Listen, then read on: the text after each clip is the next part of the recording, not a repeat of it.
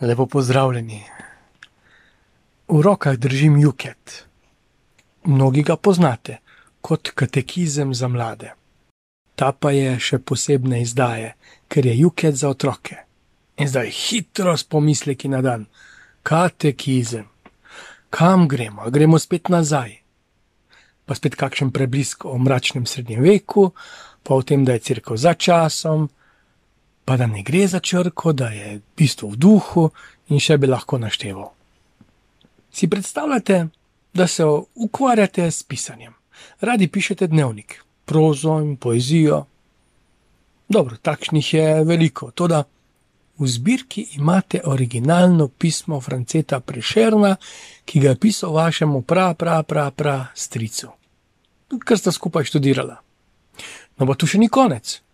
Na policiji imate pero, iz katerega se nekateri norčujejo, in bi še vi znali biti nekako v dvomih, če ne bi imeli zadostnih dokazov, da je eno izmed priljubljenih peres, s katerim je pisal sam Shakespeare. Podobno lahko gremo v športne vode. Na majici imate podpis olimpijskega prvaka. Ali za pobožne, v molitveniku imate relikvijo svetnice. Ravno danes sem pomislil, s koliki, kolikimi svetniki sem se že srečal. Rokoval, pa skoraj objemal sem se s svetim Janezom Pavlom, bil na grobu kar nekaj svetih. Na Romanju, sveti deželi, so me sestre Karmeličanke v Betlehemu nepričakovano ogrnile s plaščem, in vmes sem zvedel, da to plašč svete male arabke, Mirjam križanega Jezusa. Pa dobro, koliko svetih ljudi sem še srečal, ne da bi vedel. Ampak ali bom zaradi peresa, ki ga je držal veliki pesnik, pisatelj, kaj bolje pisal? Bom v adresu velikega kolesarja kaj bolje gnal pedala? Bom obdan s podobicami bolj pobožen, bolj veren, bolj svet? A vam je vseeno, kako ste oblečeni, kakšno frizuro imate, kakšno očala nosite? Tu pri slednjih mi gre vedno na smeh. Dejansko, ko nosim očala, sem edini, ki svojih očal ne vidim. Zakaj torej take ceremonije o tem? A jih imam, da vidim, ali da drugi vidijo mene? Vem, podajam se na zelo spavzek teren mode in videza, in... ampak vse se tudi strinjam. Ni nam vseeno, kako smo oblečeni, ni nam vseeno, uh, kakšno glasbo poslušamo. Ja, ni nam vseeno. Radi smo obdani z dobrim, s prijetnim, z vrednim. Vsekakor lahko na tem področju tudi zelo pretiravamo. Lahko nam stvari in spomin na to, kar predstavljajo, zameglijo presojo. Lahko nam postanejo krepko več kot človek. Torej, sobota, človek, človek, sobota. Pa vendar, kar pogledajte otroka, kako ponosno pove pesmico, če ve, da ga poslušata ata in mama. Kako drugače se je poditi za žogo, če je na tribunah navijaško vzdušje. In kako blagodejno vpliva vzgled, kaj šele blagoslov. Kaj me žene, kje se hranim, ni tako nedolžno vprašanje. V polnih mizah, v vsej pestrosti, je dovolj samo nekaj malo strupa vse življenje jem zdravo hrano, dobro hrano, potem pa samo malo. En obrok pokvarjene, pa je lahko že usodno. Adam, s čim se hraniš? Adam je z Bogom na ti, tako blizu sta si. Adam čuti božjo ljubezen in živita v ljubezni. V to ljubezen je ustvarjena Eva.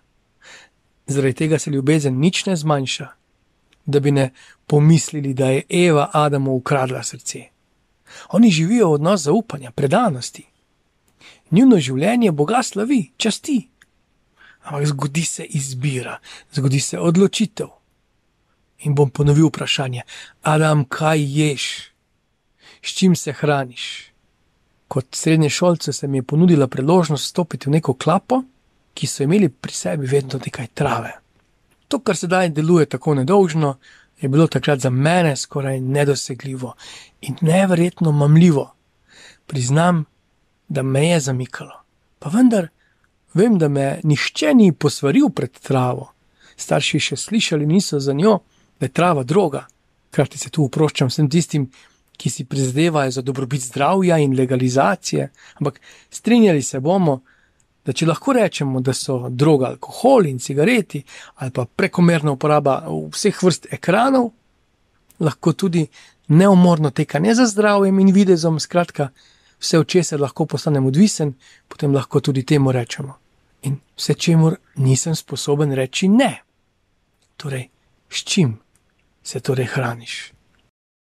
Tudi če imamo občutek, da ne jemo nevarne hrane, nam, recimo, osodne, bodi si za zdravje telesa, še bolj pa duha, nas današnja nedelja popelje prav pred mizo, nas posede za mizo, postavi nam edino hrano za življenje, za življenje sveta.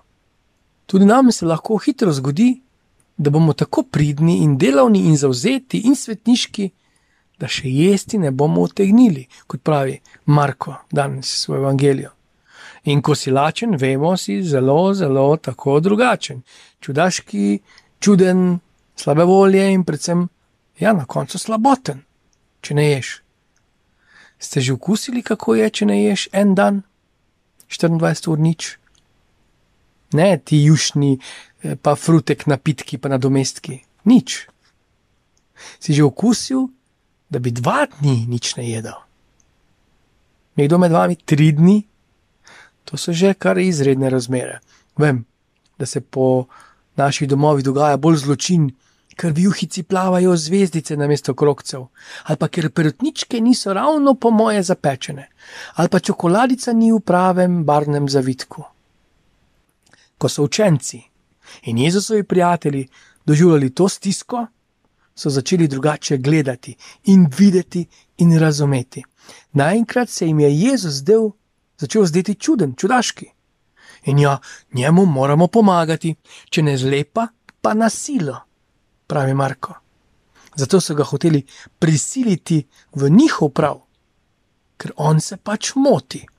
Rekli so, da ni priseben. Pri Janezu beremo celo, da blazni, z drugo besedo, nor je. S takim človekom se ne moreš pogovarjati. On ni sposoben odnosa, normalnega odnosa. Ti mu nekaj govoriš, on pa čisto nekaj drugega nazaj. Tak človek pač ne more reči, da sta on in oče eno ne more reči, da je poln svetega duha. Kaj ješ, apostol, s čim se hraniš, današnji kristjan?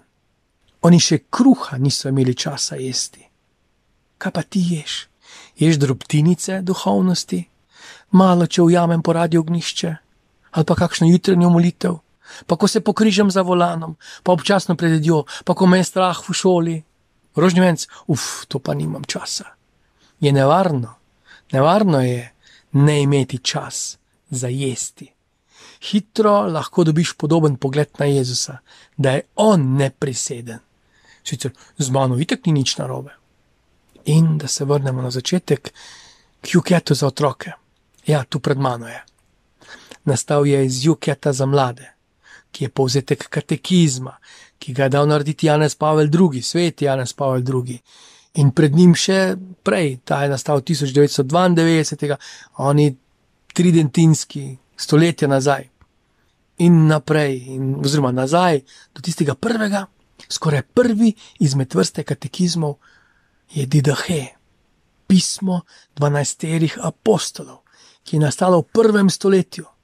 V stoletju, v katerem je živel in deloval Jezus Kristus in njegovi apostoli in njegovi učenci zelo malo strani, ampak popolnoma prežete s tem pismom, malo opisuje delovanje eh, takratne skupnosti crkve, ampak zopet govori o Euharistiji, o tem rešnem telesu, o rešni krvi.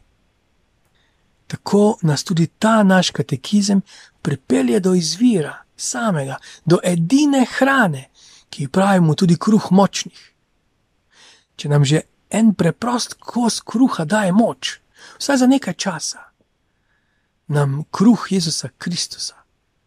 Kruh, ki je Jezus Kristus, po njegovem zagotovilu daje moč, da gremo skozi noč, skozi napore celotnega življenja.